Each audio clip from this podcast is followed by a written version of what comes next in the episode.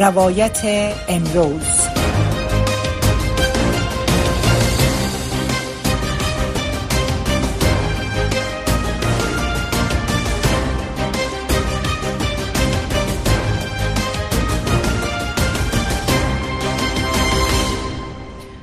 شنوندگان و بینندگان محترم برنامه روایت امروز با سلام و سپاس از همراهیتان در برنامه. موضوع امروز برنامه را به ختم نشست دوها روی موضوعات مرتبط به افغانستان اختصاص دادیم. و با مهمان برنامه که آقای ویس ناصری تحلیلگر امور سیاسی از افغانستان البته هستند و از جرمنی با ما خواهند بود. روی دستاورد این نشست تاثیر عدم حضور طالبان در آن و روی اینکه آیا ملل متحد اجندا خاص و اهداف خاصی را که خواهان کسب از او در طول نشست بود به دست آورد یا خیر با موضوع افغان ها با شمول جامعه مدنی اعضای جامعه مدنی و فالین حقوق زنی که در این نشست شرکت کرده بودند در قبال نشست چی بود؟ این موضوعاتی است که به زودی با آقای ویس ناصری مهمان برنامه و بحث می‌گیریم. البته قابل تذکر است که آقای انتونیو گوترش در خطاب اختتامیه این نشست که امروز حوالی عصر به وقت دو ایراد شد روی نکته تاکید کرد که علم حضور هیئت طالبا در این نشست تاثیر را بر مشروعیت این نشست از خود بر جای نگذاشته و موضوع دوم موضوع انتخاب نماینده ویژه از سوی ملل متحد برای رسیدگی به امور افغانستان است که البته ملل متحد خواهان انتخاب این نماینده است و افغان ها هر کدام نظریات خاص خود را روی اینکه چه کسی ظرفیت و توانایی احرازی کرسی را داره و چه کسی را باید ملل متحد برای کرسی مد نظر بگیره هم نظریات خاص خود را دارن ولی که آیا ملل متحد به نظریات افغان ها در قبال پر کردن کرسی احترام و اهمیت قائل خواهد شد یا نه؟ این هم موضوعی است که باز هم تحلیل از او از مهمان برنامه میشنیم آقای ناصری خدا کنه که در لاین با ما باشین. با سلام با شما سپاس از وقتتون. عرض سلام ادب دارم بانو روزبی خدمت حضور شما همکاران تکنیکیتان و تمام شنوندهای خوبتان در سرتاسر سر جهان. ممنون و سپاس از حضورتان در برنامه آقای ناصری. من مطمئن هستم که من حیث یک از تحلیلگران امور افغانستان تحولات در دوهر از نزدیک شما در حال تعقیب کردن هستین. البته این نشست روز شنبه آغاز شده. امروز با خطاب آقای انتونیو گوترش منچی عمومی سازمان ملل متحد خاتمه پیدا کرد. افغان ها در شهرهای مختلف به شمول اسلام در پاکستان در آلمان در چند شهر کانادا اعتراض های مدنی را اندازی کرد کرده بودند که هدف از او جلب توجه جهان به موضوع طالبان بود و در قدنامه نهایی اعتراض ها تاکید کردند که تعامل که جهان باید با اعتیاد در قبال تعامل با حکومت طالبا پیش بره و ایره تعامل هر گونه تعامل بی قید شرط با حکومت طالبا خطرناک خواندن. آقای گوترش در خطابه خود دو نکته برجسته داشت. آقای ناصری یکی که بیان داشت که عدم حضور طالبا در این نشست بر مشروعیت و دستاورد نشست تاثیر نداشته. و نکته دومی بود که ملل متحد به زودی نشست دور سوم مشابه به این نشست را دایر می‌کنه و موضوع انتخاب نماینده ویژه ملل متحد مطرح شد در امور افغانستان. برداشت کلی شما از دستاورد این نشست سه روزه در دوحه چیست؟ و به نظر شما یا ملل متحد به اهداف و به خواسته هایی که داشت با تدویر نشست رسیده یا خیر؟ و ای که آقای گوترش گفت که عدم حضور طالبا هیچ تأثیری بر این نشست نداشته تا چه از بیتنایی ملل متحد و طالبان نمایندگی می‌کنه بله عدم حضور طالب ها با این جمله زیبای آقای گوترش که گفت که ما خواست های طالبان را نپذیرفتیم. درخواستی که اونا داشتن از ما یکی ای بود که ما فقط نماینده مردم افغانستان هستیم و هیچ کسی دیگه شما اجازه ندیم که به نمایندگی از مردم افغانستان اونجا حضور داشته باشه و دوم ما می‌خوایم که شما ما را به شکل رسمی به رسمیت بشناسین و به حساب تعامل دیجور و قانونمند با ما کنین که گفتی نوع از شناخت بینالمللی بود و ما را رد کردیم. به نظر من نیامدن طالب ها و آمدن پنج عضو جامعه مدنی اینا که قسم انتخاب شدن و کی بدن صرف نظر از اینا و تفاوت های فکری از اینا. ولی حضور افراد از جامعه افغانستان جامعه متکثر افغانستان زنان و مردان افغانستان شخصیت های سیاسی و فعال مدنی و همچنان مطبوعاتی این نشان پیروزی مردم افغانستان و شکست طالبان هست. و حضور ای پنج نفر و به خاطر حضور از اینا عدم حضور طالب ها پیروزی ملت ما هست نماینده های مردم افغانستان حضور داشتن زنان و مردان افغانستان دختران مبارز افغانستان بله. و در عین زمان طالب به خاطر حضور مردم افغانستان و چهره های متفاوت سیاسی عدم حضورشان و اصرار به که ما همو انحصار قدرت و مو به حساب تعمیل ایدولوژی و قرائت خود به ملت افغانستان می‌خوایم. بر جهان هم تعمیل کنیم. همو مقوله بسیار زیبا و حرف تنظامیز آقای گوترش است که گفتی موضوع مرغ و تخم مرغ است که طالبان میگن که این موضوع حقوق بشر و به حساب خاص جهان بزنس ما نیست یا علاقه ما نیست و با این ارزش نمیتیم. ولی ما به رسمیت بشناسید. و این هرگز امکان نداره و بار آینده و باز هم به شکل تنظامی و یعنی واقعا در تمام صحبت های آقای گوترش چندین بار به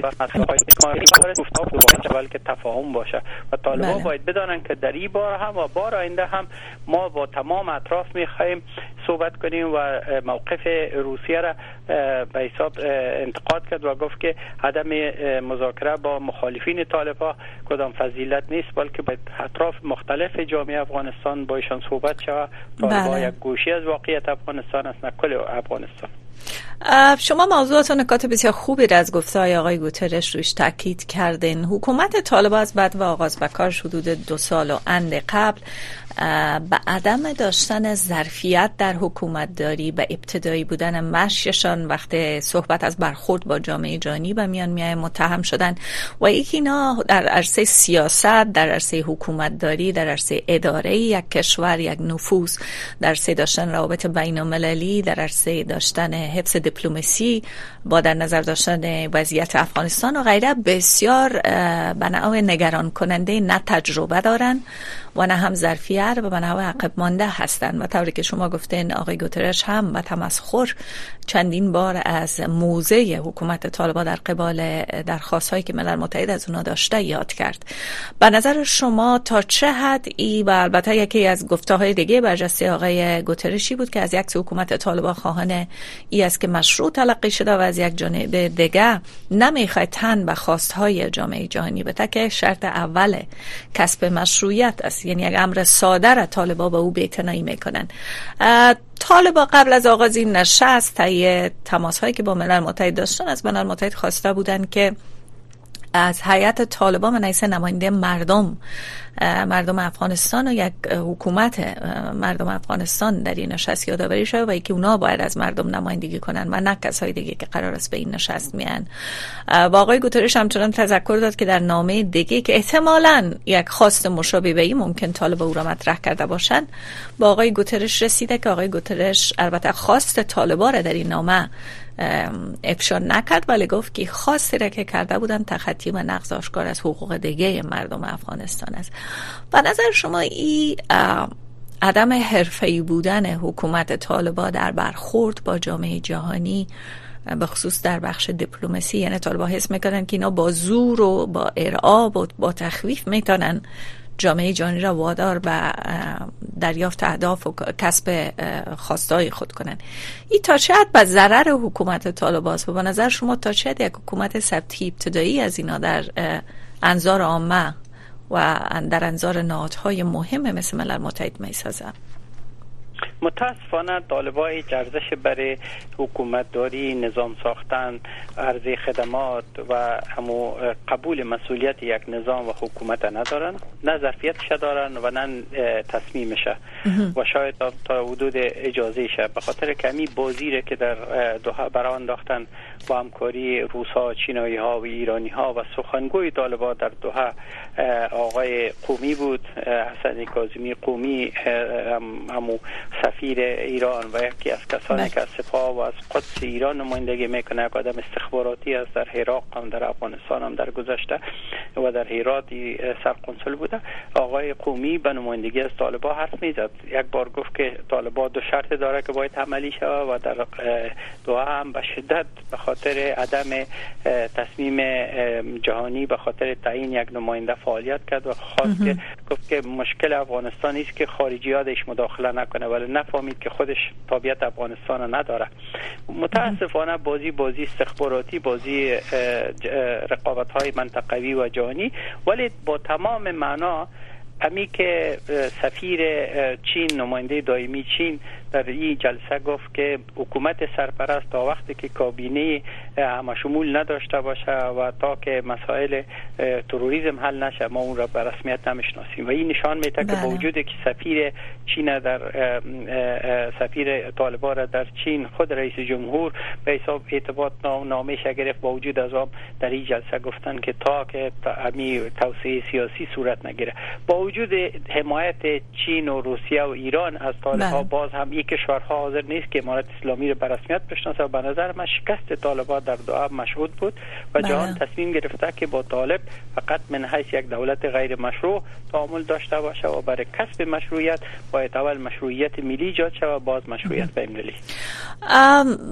در قبال کسان دیگه که در این نشست البته علاوه بر اعضای جامعه مدنی حاضر بودن حدود بیش از 20 الی 25 عضو یا نماینده کشورهای خارجی در نشست شرکت داشتن و سازمان های بین المللی ولی در این میان روسیه و نوع خبرساز شده. یعنی روسیه از ملاقات با اعضای جامعه مدنی خودداری کرده و همچنان از ملل متحد خواسته بود تا با اونا ملاقات نکنه. ولی انتونیو گوترش در گفته های خود تذکر داد که ملاقات با اعضای جامعه مدنی افغانستان برای ملل متحد مهم است و اونایی خواست روسیه را رد کردن.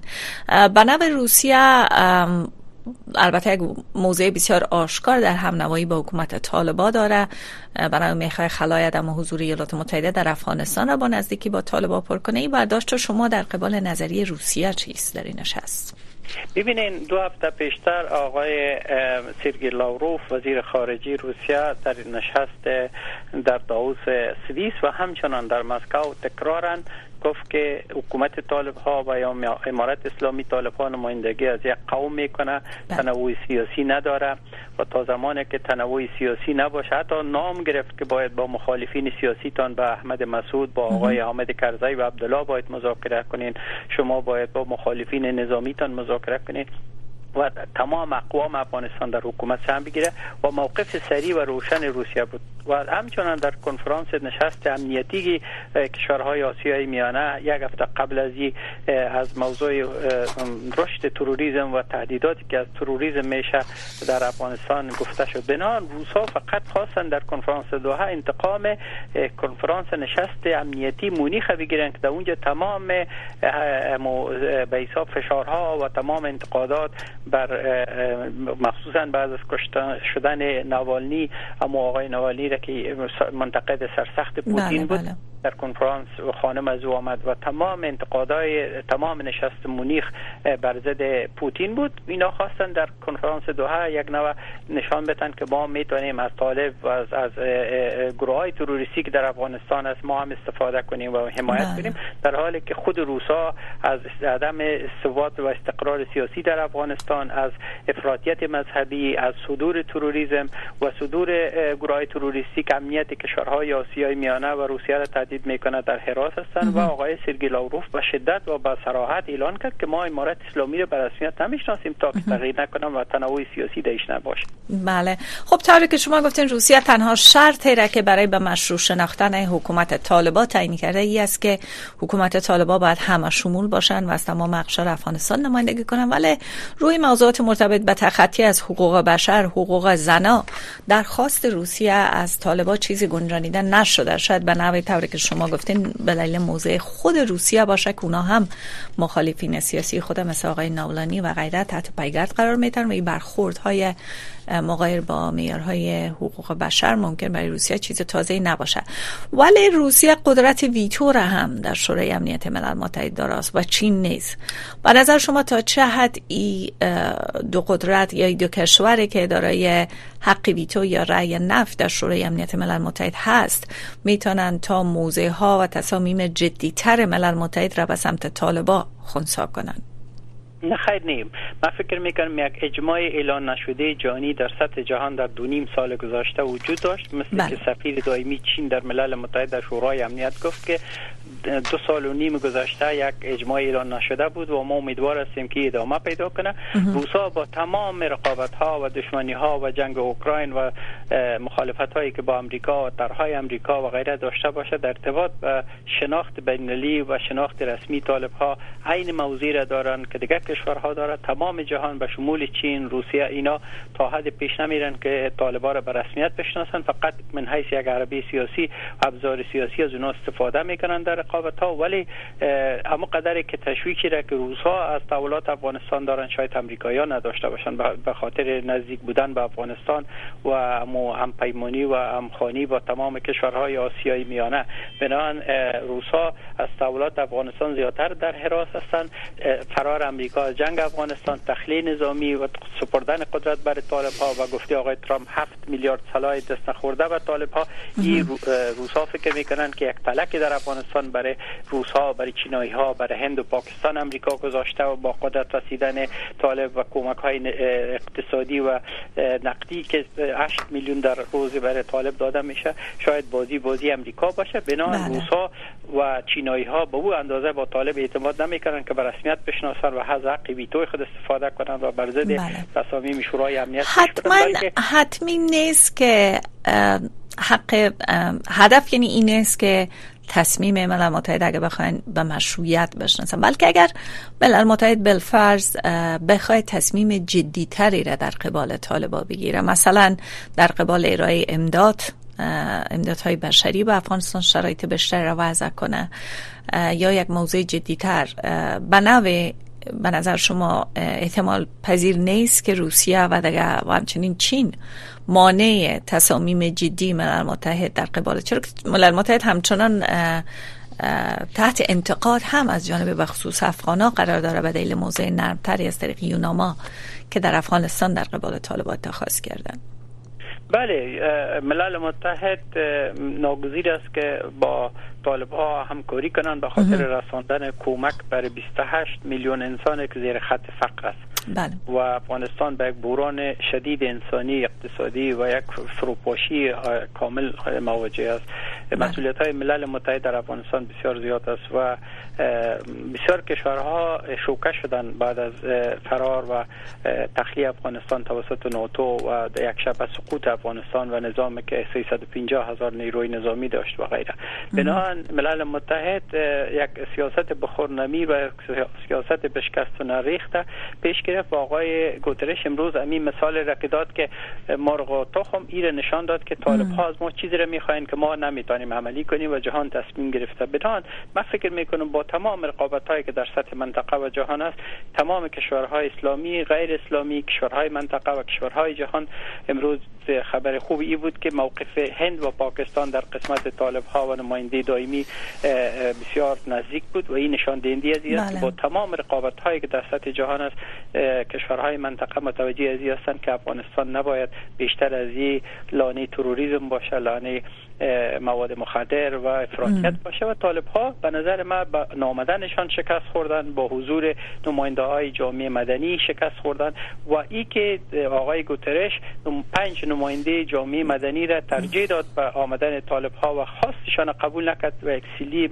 سیاسی بروشان زد. این به نظر ما بزرگترین شکست طالب ها بود و همی که روس ها و چینایی ها در این کنفرانس هم ویتو نکردن یعنی کدام کار نکردن که باعث از این شود که یعنی همو اعلامی آخر و یا قطعنامه آخر اینا هم مورد تایید قرار دادن که پنج شرط گذاشتن که عبارت از تعامل طالب ها و قبول تمام میثاق های بین‌المللی و کنوانسیون های بین‌المللی توسط طالب هاست این خواست بله. که سابق جهان تکرار می‌کرد.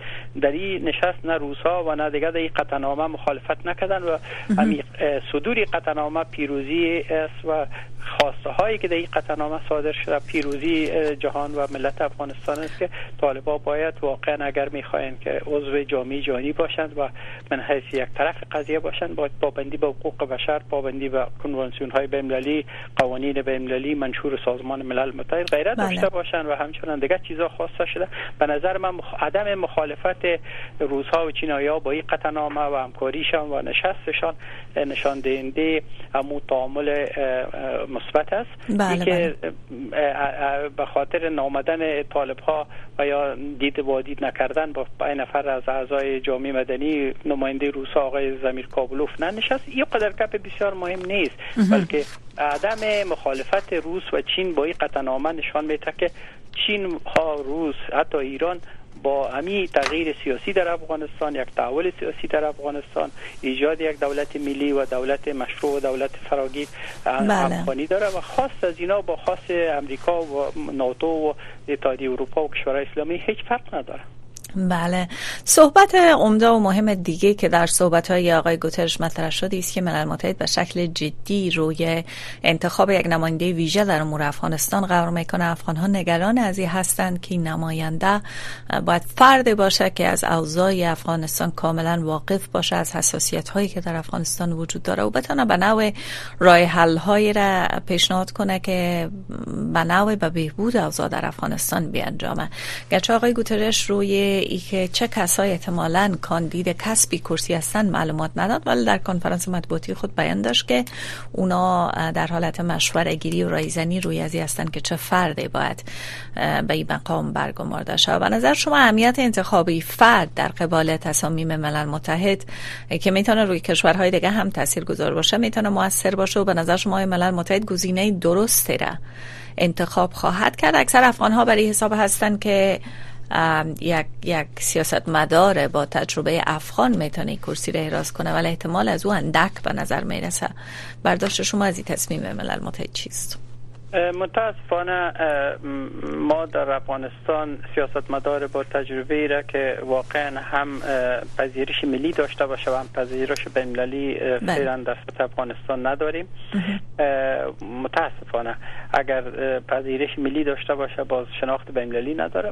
فکر فکر من فکر می‌کنم بعد از رایزنی های زیاد امی خود آقای فریدون اوغلو که تهیه کننده امی متن بسیار تاریخی گزارش مفصل و مستقل سازمان ملل متحد است. یک زمان نماینده دائمی ترکیه در ملل متحد بود و یک مدت کوتاه هم رئیس وزیر خارجه ترکیه ایفای نقش کرده و بسیار یک دیپلمات ورزیده و متین و یک دیپلمات بسیار با اندیشه های فراغ است. با وجودی که به این گزارش خود یک اندازه طالبان را تمجید هم کرده ولی به خاطر به حساب و رشوت های سیاسی که به طالبان دادن که اونا را در می پروسه شامل بسازه به خاطر که بله. اگر ما بخوایم یا نخوایم متاسفانه طالب ها به اساس هر دسیسه و توطئه‌ای که در سطح جهان بود امریکا بود توافقنامه پنهانی دعا بود و در پشت درهای بسته آقای خلیزات 18 ماه برای انتقال قدرت فعالیت کرد و او روز هم گفت که طالب ها همه جای گرفتن به ما وعده کردن که کابل نمی‌گیریم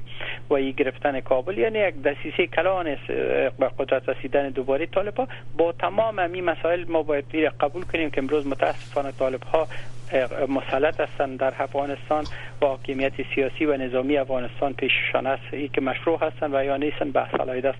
بنابراین بله. انتخاب آقای فریدون سنیلی اوغلو من حیث نماینده مسلمان یک کشور همسایه که با همه مسائل افغانستان آشنایی داره با زبانهای افغانستان هم نسبتا آشنایی داره و یک تجربه قوی در سازمان ملل متحد داره و در میان کشورهای اسلامی. من فکر می‌کنم در نتیجه آخر همون خاص کشورهای خاتمی باشه و مردم افغانستان یک کسی باشه که با قضایای کشورهای اسلامی آشنا باشه یک دیپلمات کارکشته باشه با شناخته باشه که در سطح جهان. و خود آقای سنیلی اغلو به نظر من می گزارشش و می فعالیتاش و می رفت آمدی که با طالب ها داشته و با مخالفین طالب ها بالاخره شاید در انتخاب آقای سنیلی اغلو بیشتر تمرکز شود تا به دیگه بله. سیاست مدارایی که از اروپا بیاین یا از کدام کشور دیگه ولی خود افغان ها متاسفانه خانم روزوی ما در سطح افغانستان شخصیت را نداریم که قابل پذیرش به همه, همه اطراف باشه. بله.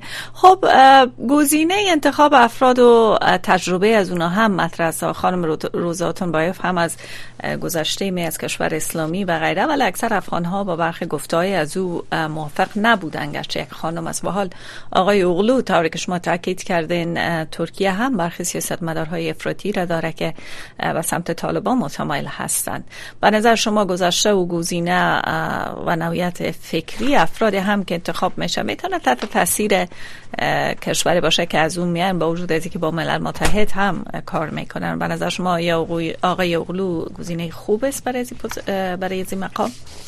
ببینین ترکیه و خود ترک ها و ساختار سیاسی که در ترکیه هست پرولیالیزم سیاسی را دارن انتخابات دارن و بله. رقابت های انتخاباتی دارن صندوق رای دارن آزادی بیان دارن تا حدود و یعنی یک کشور بسیار پیشرفته و مهم هم در سطح نظامی و سیاسی و مخصوصا اقتصادی از پیشرفت عظیمی کرده ترکیه بله. و خاص ترکیه در تمام دو سال گذشته دو نیم سال گذشته و می گزارش آقای سینیلی اغلو هم دوبار تکرار تاکید می‌کنه بر چی؟ بر رعایت حقوق بشر بر مظالم حقوقی که طالبان انجام میتن بله. و ساختار قومی اتنیکی و سیاسی و تنوع سیاسی در افغانستان. یعنی پیشنهادهایی را که آقای سینیلی اغلو می‌کنه برای راه حل سیاسی افغانستان یک نقشه رای واقعا منطقی هست و خواسته هایی را که برای تشکیل یک حکومت ملی و فراگیر و همه شمول داره در بی گزارش گفته شده و بله. آقای اردوغان و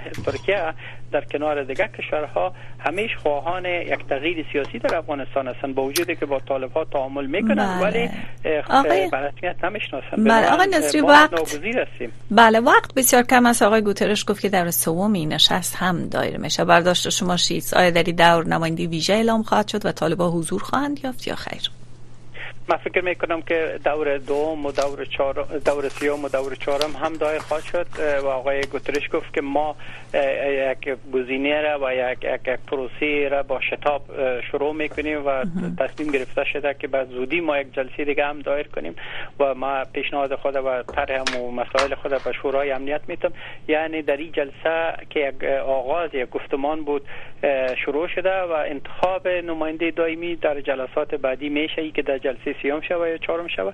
ولی نفس گپ همی است که ملل متحد و جهان و کشورهای قدرتمند تصمیم دارند که یک تغییر سیاسی در افغانستان صورت بگیره و به این ترتیب نه قدرت سیاسی و نظامی به یک گروه و یک قوم باشه بلکه یک تغییر سیاسی برای رعایت حقوق بشر برای پابندی یک دولت و کنوانسیون ها و میثاق های بین‌المللی رعایت حقوق بشر و زنان و دختران بله. و در مهمتر تشکیل یک حکومتی که تنوع سیاسی قومی مذهبی و همه چیزهای افغانستان داشته باشه.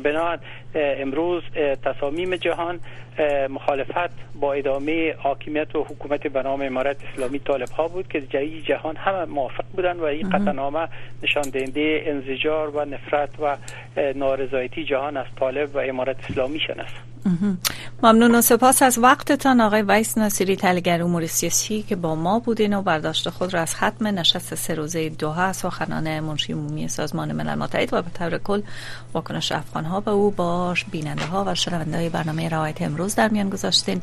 سپاس از وقتتان سپاس از شنونده و بیننده هایی که در طول برنامه با ما بودن و این بحث را دنبال کردن. همکاران در بخش دری و پس شتا لحظات دیگه برنامه را باز هم با تحولات افغانستان و جان موضوعات روز تحلیل ها خبرها و مصاحبه های ادامه میتن باز هم سپاس از همراهی همه شما.